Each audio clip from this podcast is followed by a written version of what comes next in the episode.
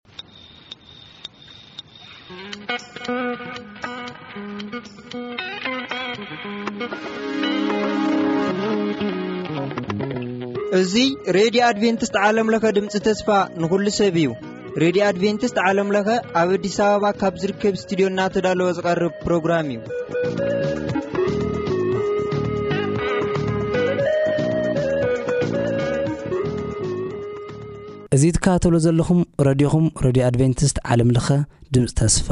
ንኹሉ ሰብ እዩ። ሕዚ እቲ ናይ ሕይወትና ቀንዲ ቁልፊ ዝኾነ ናይ ቃል እግዚኣብሔር ምዃኑ ኩላትኩም ኣይትዘንግዕዎን። እስቲ ብሓባር እነዳምጽ።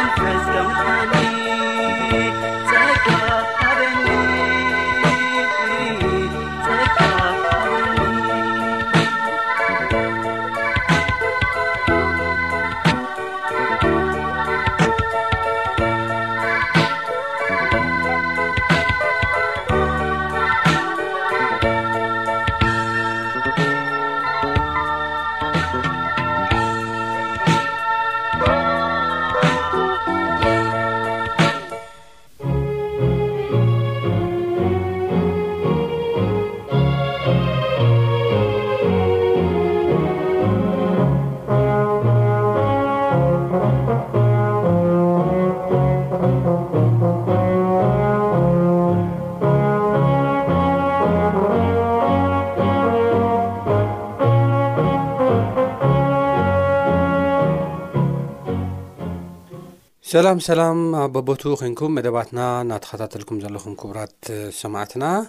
ሎሚ እውን እናቕርበልኩም ናይ ቃል ግዜና ኣብ ማቴዎስ ምዕራፍ ሽዱሽተ ካብ ፍቕዲ ትሽዓተ ዘሎ ሓሳብ ጀሚርናዮ ዘና ሓሳብ መቐፀልቲ እዩ ዝኸውን ማለት እዩ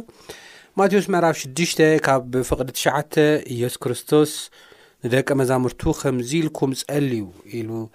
ዘምሃሮም ጸሎት እዩ ዘምሃሮም ጸሎት ከኣ ኣብ ሰማያት ትነብር ኣቦና ስምካ ይቀደስ መንግስትኻ ትምጻእ ፍቓድካ ከምቲ ኣብ ሰማይ ከምኡ ድማ ኣብ ምድሪ ይኹን ናይ ዕለት እንጌራና ሎሚ ሃበና ንሕና ንዝበደሉና ከም ዝሓደግናሎም በደልና ሕደገልና ካብ ክፉእ ኣድሕነና እምበር ናብ ፈተና ኣይተእትወና መንግስትን ሓይልን ክብርን ንዘለኣለም ናትካ እዩሞ ኣሜን ዚብል እዩ። እዚ ጸሎት እዚ ኪንዮ ከምዚ ኢልካ ቃል ብቓል ምጽላይ ዓቢን ሰፊሕን ትርጉም ከም ዘለዎ ኣብ ሕድሕድ ጸሎትና ኣብ ሕድሕድ ንልምኖ ነገራት ከመይ ጌርና ክንቀርብ ከም ዘለና ዓቢ ትምህርቲ ዝህብ ጸሎት ምዃኑ እናረኣና ኢና ዘለና። ክሳዕ ሕጂ እናረኣናዮ ዘለና ክፍልታት ከይድና ኣብ ንርእየሉ እዋን ኣተን ናይ መጀመርያ ሓሳባት ኢና እናረኣና ዘለና። እታ ቀዳመይቲ ኣብ ሰማያት ትነብር ኣቦና ዝብል እዩ። እዚ ማለት ኣብ ሰማይ ኣቦ ኣለና፣ ፍጹም ዝኾነ ሓጢኣት ዘይብሉ ጻድቕ ኣቦ ኣለና እናበልና ከም ዝረኣናዮ ብሰፊሑ ርኢና ነና ካብዚ ዝተላዕለ ስምካ ይቀደስ ማለት ብዘይብኡ ኣምላኽ ከም ዘየለ ሽሙ ዝተሰከሙ ሰባት ብሽሙ ዝፅውዑ ሰባት ድማ ብዘይ እግዚኣብሔር ኣምላኽና ብዘይ እቲ ሰማይን ምድርን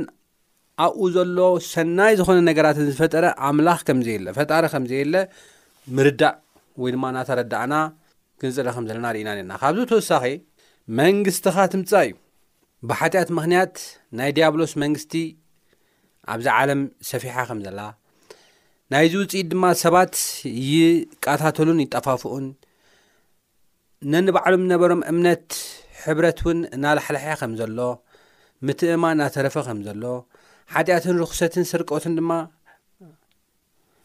ኣዝዩ ካብ ምብዝሑ ዝተላዕለ ሽግር እናበዝሐ ከም ዘሎ ኢና ንርኢ ዘለና ማለት እዩ። ካብዚ ዝተላዕለ እዚ ናይ ሰይጣን መንግስቲ ጸኒዑ ከም ዘይነብር ፈራሲ ከም ዝኾነ ይነግረና እዩ። ስለዚ ንሕና መንግስቲ እግዚኣብሄር ክትመጸልና ክንጽለ ከም ዘለና ክንደሊ ከም ዘለና ኢና ንርኢ። ምክንያቱ መንግስቲ እግዚኣብሄር ፍትሕን ርትዕን ሓቅን ጽድቅን ቅድስናን ዘለዋ መንግስቲ እያ። ሓሶታዊ የለን ስርቂ የለን ሞትን ጥፍኣትን ሓዘንን ጓሂን የለን ናይዛ እግዛብሄር መንግስቲ ንጉስ ከኣ ክርስቶስ የሱስ እዩ እግዛብሄር እዩ ስለዚ እዛ መንግስቲ እዚኣ ክትመጸልና ክንጽሊ ክንክእል ኣልና ናይ ሰይጣን መንግስቲ ሰይጣን ዝመርሓ ናይዚ ዓለም መንግስቲ ብሓጢኣት ምክንያት ገዛ እዚ ዓለም እዚኣ ተባሂሉ ሰይጣን እኳ ተተጸውዐ እቲ ዝፈጠሮ ነገር ግን ዓብ ምስቅልቅል እዩ ኣብ ደቂ ሰባት ፈጢሩ ዓብ ጥፍኣት ዓብ ውድመት እዩ ፈጢሩ። እዚ ኹሉ እንሪኦ ዘለና ፍጥረት ገዛኢ እዛ ዓለም እዚኣ ዲያብሎስ ስለ ዝኾነ እዩ። ዲያብሎስ ካብ ምጥፋእን ምሕራድን ምስራቕን ካልእ ዝፈልጦ ነገር ምንም የለን። ኽገብሮ ዝኽእል ነገር እውን የለን ምንም። ካብዚ ዝተላዕለ እዚ ጸሎት እዚ መንግስትኻ ትምጻእ ኢልና ናይ እግዚኣብሔር መንግስቲ ክትመጸልና ክንጽሊ ከም ዘለና ኢና ንርኢ። እዛ ናይ እግዚኣብሔር መንግስቲ ብክርስቶስ የሱስ ኣብ መስቀል ነቶም ዝጠፉ ነቶም ዝጠፉ ብሓጢኣት ዝረሓቑ ካብ እግዚኣብሔር ንኸድሕን ክርስቶስ ኣብ ዝመፀሉ እዋን ኦሬዲ ተተኺላ እያ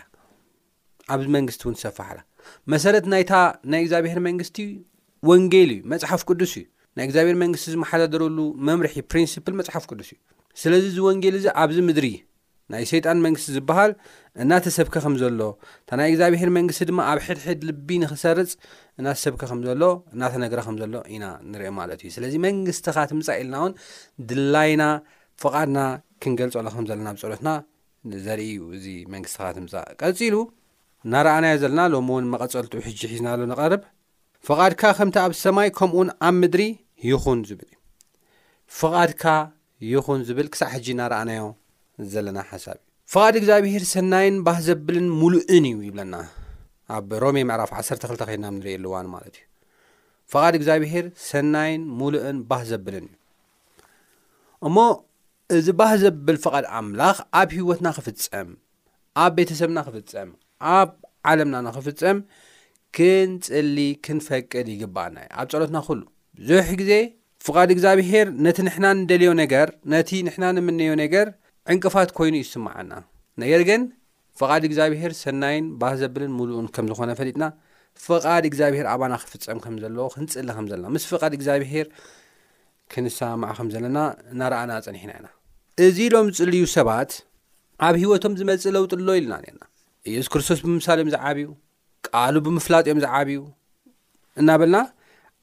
ሓደ ፍቓድ ኣምላኽ ዝፈለጠ ሰብ ከም ዝዓቢ መንፈሳዊ ህይወቱ ከም ዝዓቢ እናረኣና ኢና ዘለና ሎሚ እውን ናቱ መቐፀልታ ኢና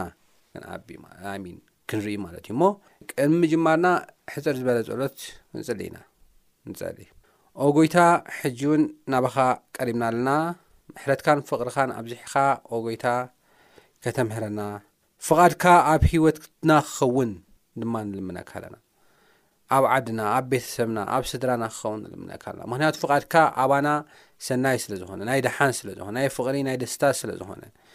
ነመስግነካ ኣለና። እሞ ሕጂ ድማ ቃል ክንካፈል ከለና ፍቓድካ ትሆን ዝብል ቃል ኣብ ሕይወትና ዘምጽኦ ለውጢ ክንርኢ ከለና እስኻ ምርሓና፣ ኣምህረና ብጎይታና መድሓና ንስ ክርስቶስ ስም ኣሜን። እምበኣር ፍቃድካ ይሁን ኣብ ሂወተይ ኢልና ክንጽሊ ከለና ኣብ ሂወትና ዝመጽእ ነገር ተሃለወ እንታይ እዩ ኩሉ ግዜ ኣመስገንቲ ኢና ንኸውን ብምስጋና ዝተመላእና ሰባት ኢና ክንከውን ልክዕ ከም እስራኤላውያን ሂወትና ብምረት እናጉረምረምና ኣይነብር ኢና በቃ ፍቓድና ከምቲ ዝሓሰብናዮ ዘይኮነስ ፍቓድ እግዚኣብሄር ኣባይ ሰናይ እዩ ባህ ዘብል እዩ ስለዚ እሱ ክፍፀም እናበልና ኣመስገንቲ ከም ንኸውን እዩ ዝገልጸልና ማለት እዩ እሞ ቀዳማይ ተሰሎንቄ ምዕራፍ ሓሙሽተ ፍቕዲ ዓሰርተ ሸሞንተ ከም ዝብል ሓሳብ ንረክብ በዚ ምእንታኹም ብክርስቶስ የሱስ ፍቓድ ኣምላኽ እዩ እሞ ብዅሉ ኣመስግኑ እንዲያም ልዕሊ ኢለ ክንብባ ከለኹ ካብ 16 ኩሉ ሳዕ ተሓጎሱ ከይባተኽኩም ጸልዩ ምስ በለ እዚ ኩሉ ሳዕ ክትሕጎሱ ከይባተኽኩም ድማ ንክትጽልዩ እዚ ምእንታኹም ብክርስቶስ የሱስ ፍቓድ ኣምላኽ እዩ ኩሉ ሰዓት ሕጉስ ፍቓድ ኣምላኽ እዩ ከይባተኩም ክትፅልዩ ፍቓድ ኣምላኽ እዩ እሞ ብኩሉ ኣመስግኑ እናበለ ክዛረብ ከሎ ኢና ንርኢ ማለት እዩ ሓቂ እዩ ኣብዚ ምድሪ ኣብ ንነብረሉ እዋን ብብዙሕ ሓዊ ክንሓልፍ ንኽእልና ዘይምቹ ነገራት ከጋጥሙና ክእሉ እዮም ፈተናን ሰቓይን ከጋጥሙና ክእሉ እዮም ነገር ግን እግዚኣብሔር ኣብ ጎና ምህላው ክንርስዕ የብልናን ተስፋ ዘቁርጽ ነገር ክገጥሙና ይኽእሉ እዮም ክጽልመተና ይኽእል እዩ ዓንቀፍቀፍ ክበዝሓና ይኽእል እዩ ነገራት ክነውሓና ይኽእል እዩ መዓስ ኢኻ እንብሎ ነገር ክጋጥመና ይኽእል እዩ ነገር ግን እግዚኣብሔር ኣብ ጎንና ከም ዘሎ ፍቓድ ኣምላኽ ድማ ኣባና ሰናይን ባህ ዘብልን ምሉእን ከም ዝኾነ ክንዝክር ይግብኣና እዩ ማለት እዩ ብዙሕ ግዜ ሓደ ብግጉይ ንርድኦ ጥቕሲ ኣሎ ንሱ ድማ ኣብ ሮሜ ምዕራፍ 8 ፍቕዲ 28 ዘሎ ሓሳብ እዩ ከምዚ ድማ ይንበብ ኩሉ ንሰናዮም እዩ ሕጂ ሓደ ሓደ ሰባት ፅቡቅ ኮነ ክፉእ ኮነ ክመፅእ ከሎ ኩሉ ንሰናይ ኮ እዩ ንሰናይ ኩሉ ንሰናይ እናበሉ ዝገልፅዎ ቃላት ኣለዉ ግን ናይዚ ሓሳብ እዚ ሕመረትን ናይዚ ሓሳብ እዚ ዋና ነጥቡ ክንርኢ ከለና ካብቲ ምሉእ ሓሳቡ ከነንብቦ ኣለና ኩሉ ንሰናይ ኢልና ቆሪፅና ዘይኮነስ እቲ ዋና ናይ እግዚኣብሄር ቃል እንታይ እዩ ዝብል ዘሎ ኣብዚ ሓሳብ እዚ ኢልና ክንርአ ክንከል ኣለና እንታይ እዩ ዝብል እቶም ንኣምላኽ ዘፍቅሩ ከም ምኽሩ እውን እተፀውዑ ግና ንኩሉ ንሰናዮም ከም ዝድግፎም ንፈልጥ ኢና ይብለና ነቶም ንኣምላኽ ዘፍቅሩ ከም ምኽሩ እውን እተፀውዑ ኩሉ ነገር ንሰናይ ከም ዝድግፎም ንፈልጥ ኢና ወይ ድማ ኩሉ ነገር ንሰናዮም ከም ዝኸውን ንፈልጥ ኢና ይብል ማለት እዩ ስለዚ እዚ ሓሳብ እዚ ብደንቢ ጌርና ኣብ ንርእየላ እዋን እቲ ኩሉ ነገር ንሰናዮም ዝኾነሎም ኩሉ ነገር ንሰናዮም ከም ዝድግፎም ዝኸውን ንመን እዮም እቶም ንኣምላኽ ዘፍቅሩ ከም ምኽሩ እውን እተፀውዑ እዮም እዚ ማለት እንታይ ማለት እዩ ክንብል ከልና ፍቓድ ኣምላኽ ኩሉ ግዜ ከም ሓሳብ ኣምላኽ ዝተጸውዑ፣ ፍቓድ ኣምላኽ እውን ክኾነሎም ኣብ ህይወቶም ኩሉ ግዜ ዝጽልዩ፣ ፍቓድ ኣምላኽ እውን ክኾነሎም ኣብ ህይወቶም ዝምነዩን ዝደልዩን ሰባት ኩሉ ግዜ ነገራት ወላ እንተሓመቐ ወላ እንተኸፍአ ወላ እንተጸበቐ ኩሉ ነገር ንሰናዮም ከም ዝድግፎም ኩሉ ነገር ንሰናዮም ከም ዝኸውን እዩ መጽሓፍ ቅዱስ ይዛረበና ማለት እዩ ኩሉ ነገር ንሰናዮም ከም ዝድግፎም ኢና ንርኢ እዚኣ እቲ ሓሳብ ትብላ ዘላ ንኣብነት ዮሴፍ ኣብ ህይወቱ ኩሉ ናይ እግዚኣብሄር ፍቓድ ንክኸውን ናይ እግዚኣብሄር ሓሳብ ክከናወን ደልን ዝምነን ሰብ እዩ ነይሩ ኣብ ቅድሚ ብኡ ኮይኑ ኩሉ ግዜ ናይ እግዚኣብሄር ሓሳብ ክኸውን ዝምነ ዝፈቅድ ሰብ እዩ ነይሩ ብገዛእ ርእሱ ዝገብሮ ነገር ኣይነበረን ንኣብነት ሕልሚ ርእዩ እዩ ነቡኡ ነጊርዎ እዩ ዋእ ደሓር ኣቡኡ ዋእ እሞ ኣነን ኣሕዋትካንሲ ክንሰግደልካ ኢና ማለት ድዩ ኢሎሞ እንደገና እታ ሕልሚ ደጊሙዋ ዋእ እዚ ካባካ ይርሓቅ ንሕናን ደቅካ ንሕናን ኣሕዋትካንሲ ክንሰግደልካ ኢና ማለት ድዩ ኢሎም ተኣሽም ገይሮም እዚ ሕልሚ እዚ እናሰምዐ ዝዓበየ እዚ ሕልሚ እዚ ተዋሂብዎ ራእይ ተዋሂብዎ እናፈለጠ ክነሱ እዚ ነገር እዚ ኣሕዋቱ ንኽሰግድሉ ደቁ ንኽሰግድሉ ግን ብገዛእ ፍቓዱ ኣይኮነን፣ ናይ እግዚኣብሄር ፍቓድ ይኹን ደሓን። ኣነ እቲ ክገብሮ ዝግብኣኒ ኣሕዋተይ ምፍቃር እዩ፣ ኣነ እቲ ክገብሮ ዝግብኣኒ ኣቦይን ኣደይን ምፍቃርን ምኽባርን እዩ ኢሉ እዩ ዝነብር ነይሩ። እቶም ኣሕዋቱ ግን ብክልተ ምኽንያት፣ ሓደ ብራእዩ ምኽንያት፣ በቲ ዝሓለሞ ምኽንያት፣ ካልኣይ ድማ ሕልፊ ኣሕዋቱ ኣቡ ንዮሴፍ ይፈትዎ ስለ ዝነበረ በዚ ክልተ ምክንያት ይቐንኡሉን ይጸልእዎን ነይሮም እዮም ወላ ይጽልእዎ እምበር ንሱ ግን ይፈትዎምን ይደልዮምን ነይሩ እዩ ብጣዕሚ ዝገርም ካብ ብንእስነቶም ዮሴፍ ቅድሚ ቀጥቂጦም ናብ ጉድጓድ ምእታዎም ቅድሚ ናብ ግብፂ ምሻጦም ኪድ ኣሕዋትካ ድለዮም ምግቢውን ሒዝካሎም ኪድ ተባሂሉ እናጎየ ይደልዮም እዩ ነይሩ ነቶም ኣሕዋቱ ክደልዮም ዳህዮም ክፈልጥ ወሲኹ ድማ እንደገና ከይጠምዩ ምግቢ ከብፅሓሎም እዩ ዝኸይድ ነይሩ ነገር ግን ንሶም ተተናኺሎም ናብ ጥፋኣት ከም ዘብፅሕዎ ኢና ንርኢ ንሕና እግዚኣብሄር ዝረኣየልና ሓደ ዓብ ነገር ክህሉ ይኽእል እዩ ነገር ግን ናይ እግዚኣብሄር ዝረኣየልና ነገር ንዓና ከዓ ሸር ዝገበረና ነገር ዘካፈለና ነገር ብገዛእ ርእስና ካብ ምርካብ ናይ እግዚኣብሄር ፍቓድን ናይ እግዚኣብሄር ሰዓትን ናይ እግዚኣብሄር ግዜን ምፅባይ ኣገዳሲ እዩ ዝኸውን እዚ ማለት ንሕና ኣብቲ እግዚኣብሄር ቃል ዝብሎ ብኻልእ ኣባህላ ንብጻይካ ከም ነፍስኻ ኣፍቅሮ ኢንፋክት ንብጻይካ ኣነ ከም ዘፍቀርክኻ ጌርካ ኣፍቅሮ ከም ዝብል ክርስቶስ ከም ዘፍቀረና ጌርና ከነፍቅሮም ክንሓልየሎም ኣብ ቅድሚ እግዚኣብሔር ድማ ቁኑዕ ዘበለ ነገር ክንገብር ይግባኣና እዩ እዚ ንዝገብሩ እዩ ዝብል ሮሜ ምዕራፍ 8 ፍቅዲ 28 ድማ ኩሉ ተታሒዙ ንሰናይ ከም ዝድግፎም ንፈልጥ ኢና ዝበለሉን ዋና ምክንያት ኣብ ሮሜ 8 28 እዚ እዩ መጺኡ ክደልዮም ወቒዖም ኣብ ጉድጓድ እትዮሞ ንሓውና ቀቲልናስ እንታይ እሞ ክንረክብ ነውጻዮ እሞ ነብዚኦም ንሸጦ ነቦና ከኣ እንስሳ በሊዕዎ እዚ ናይ ወድኻ ድዩ ኢሎም ጨርቁ ቆሪጾም ከም ዘርኣይዎ ኢና ንርኢ ተንኮልን ክፍኣትን ከም ዝሰርሑ ኢና ንርኢ እዚ ተንኮልን ክፍኣትን ዝሰርሕዎ ንሓዎም ንዮሴፍ እውን ዝጎድእሉ ነቦኦም እውን ዘታልሉ ተንኮልን ክፍኣትን ተጠቓሊሉ ዝብምሉ ንሰናይ ይኮይኑሉ ንዮሴፍ ዮሴፍ ናብ ግብፂ ኸይዱ ባርያ ኾይኑ ብሓሶት እውን ኣብኡ ተኸሲሱ ተኣሲሩ ግን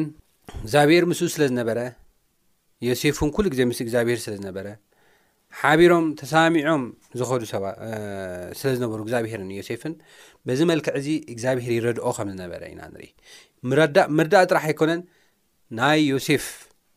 ንዮሴፍ ሓለቓ ግብጺ ከም ዝገበሮ ኢና ንርኢ። ትሕቲ እቲ ንጉስ ዓቢ ስልጣን ዘለዎ ሰብ ከም ዝገበሮ ኢና ንርኢ። በዚ መልክዕ እዚ ድማ ከምታ ሕልሚ ዝረኣይዋ ወይ ድማ ከምታ ሕልሚ ዝረኣያ ኣቡኡን ኣሕዋቱን መጺኦም ከም ዝሰገዱሉ ኢና ንርኢ። ሕጂ እውን ዮሴፍ ንሕማቕ ኣይሓሰበን። እግዚኣብሄር ሕልሙ ከሳኽዐሉ ከሎ ንሕማቕ ኣይሓሰበን። እንታይ እዩ ገይሩ? እቲ ዝነበረ ሽግር፣ እቲ ዝነበረ ጸገም፣ ብኻልእ ኣባህላ ኣብቲ ከባቢ ሰፊኑ ዝነበረ ጥሜት ንኽድሕኖምን ንኸናግፎምን ኣሕዋቱ ቦታ ለምለም ቦታ ከም ዝሃቦም ምግቢ እውን ዝኣክል ከም ዝሃቦም ከም ዝተንከባኸቦም ከም ዝረድኦም ኢና ንርኢ ይቕሬታ ኢሎ ሓጢኣቶም ማለት እዩ ብጣዕሚ ዝገርም ነገር እዩ ስለዚ እዛ ጥቕሲ እዚኣ እንታይ እያ ትብል ሮሜ ሸሞንተ ዕስራን ከም እግዚኣብሔር ሓሳብ ዝተጸውዑ ፍቓድ እግዚኣብሔር ድማ ኣብ ህይወቶም ክኸውን ዝምነዩን ዝጽልዩን ዝጽበዩን ኩሉ ነገር ንሰናይ ከም ዝኾነሎም ኣብ ዮሴፍ ህይወት እውን እንሪኦ ሓሳብ እዩ ዝኸውን ማለት እዩ ኣብ ዘፍጥረት ምዕራፍ 45 ፍቕዲ ሓሙሽተ ኣብ ዘፍጥረት 45 ፍቕዲ ሓሙሽተ ክሳብ ሸሞንተ ዘሎ ሓሳባት ኬድና ኣብ ንርእየሉ እዋን፣ ዮሴፍ ኣብ ክንዲ ምቕያም እቲ ዝገበርዎ ሕማቕ ተግባራት፣ እቲ ዝገበሮ ተንኮል፣ ኣሕዋቱ ዝገበሮ ተንኮል ብጽቡቕ ከም ተረድኦ፣ ፍቓድ ኣምላኽ ድማ ከም ዝኾነ እዩ ተቐቢሉ። ኣብ ዮሴፋዊ ኣዘራርባ ንርእዮ ነገር እዚ ዘንጸባርቓልና፣ ዮሴፍ ዝኣምኖ ዝነበረ፣ ናይ ዮሴፍ ኣተሓሳስባ እዚ ከም ዝነበረ፣ ፍቓድ ኣምላኽ ከም ነበረ ፍቓድ ኣምላኽ እናተፈጸመ ከም ነበረ ገይሩ እዩ ኣረዲእዎ ምክንያቱ ይፈርሑ ነይሮም እዮም ብዙሕ ግዜ በቃ ሕነ ክፈዲ እዩ እናበሉ ይፈርሑ ነይሮም እዮም ነገር ግን እንታይ ኢልዎም ኣምላኽ እዩ ህይወት ንምድሓን ቀቅድሜኹም ዝለኣኸኒ እሞ ሕጂ ናብዚ ስለ ዝሸጥኩምኒ ኣይትጓሃዩ ኣይትጨነቑ ኢሉ ክነግሮም ከሎ ኢና ስለዚ ፍቓድ ኣምላኽ እዩ ዝከናወን ዘሎ ንዓኹም እውን ንምድሓን ዋላ ክፍኣት ተሰራሕኹም ንዓኹም እውን ንምድሓን ነቦይ እውን ንምድሓን ንዓና እውን ንምድሓን ደቅኹም እውን ንምድሓን እዩ ቐዲሙ ልኢኽኒ ስለዚ እቲ ምሉእን ፍጹምን ባህ ዘብልን ፍቓድ ኣምላኽ ዝፍጸም ዘሎ ኣበይ እዩ ኣብቶም ዝእዘዝዎ ብስሙ ዝተጸውዑ ፍቓድካ ኣብ ህይወተይ ትኹን ኢሎም ዝጽልዩ ሰባት ከም ዝኾነ እዩ ዘርእየና ዘሎና ድሓር ቀጺሉ ከኣ እንደገና ቁጽሪ ሸውዓተ ኣምላኽ ግና ኣብ ምድሪ ተረፍ ምእንቲ ኬትርፈልና ከትርፈልኩም ብዓቢ ምድሓን ድማ ህይወትኩም ከትድሕን ቀቅድሜኹም ለኣኸኒ ንዓኹም ከድሕን እዩ ስቲልናው ክፍኣት ተሓሰብኩም ተንኮል ተሓሰብኩም እኳ ንዓኹም ንኸድሕን ተረፍ ንኸትርፈልኩም እዩ ልኢኽኒ ሕጂ ኸዓ ኣምላኽ እምበር ንስኻትኩምን ኣይኮንኩምን ናይ ዝለኣኽኩምኒ ንሱ ንፈርኦን ኣቦን ጎይታን ኩሉ ቤቱ ገዛእ ኩሉ ሃገርን ግብፅን ገበረኒ ይብለና ኣምላኽ እዩ ኩሉ ኢድ ኣምላኽ ኣለዎ እስኹም ክሸጥኑ ከለኹም ወላ ብተንኮል ወላ ብክፍኣት ወላ ክትገብሩ ትኽእሉ ኢኹም ነገር ግን ኣብ ትሕቲ እግዚኣብሄር ቁፅፅር ከም ዝነበረ እግዚኣብሄር ኩሉ ነገር ይቆፃፀሮ ከም ዝነበረ ናብቲ ዝደልዩ ድማ ይመርሖ ከም ዝነበረ ኢና ንርኢ ማለት ስለዚ ናይ እግዚኣብሄር ፍቓድ ሰናይን ባህ ዘብል ምሉእን ዝኾነ ፍቓድ ኣምላኽ ክፉኣት ንምድሓን ንዓና እውን እግዚኣብሄር ናብ ልዕሊ ደረጃ ንምብፃሕ ከም ዝግበር ኢና ንርኢ ስለዚ ንሰናይ እዩ ንብሎ ነገር መን እዩ ንሰናይ ዝኸውን ንዝብል እቶም ብስሙ ከም ፍቓዱ እተጸውዑ፣ ከም ፍቓዱ ኼምኽሩን ዚነብሩ፣ ፍቓድ ካብ ህይወተይ ትኹን ኢሎም ዚልምኑ ሰባት ከም ዝዀነ ኢና እንርኢ እሞ፣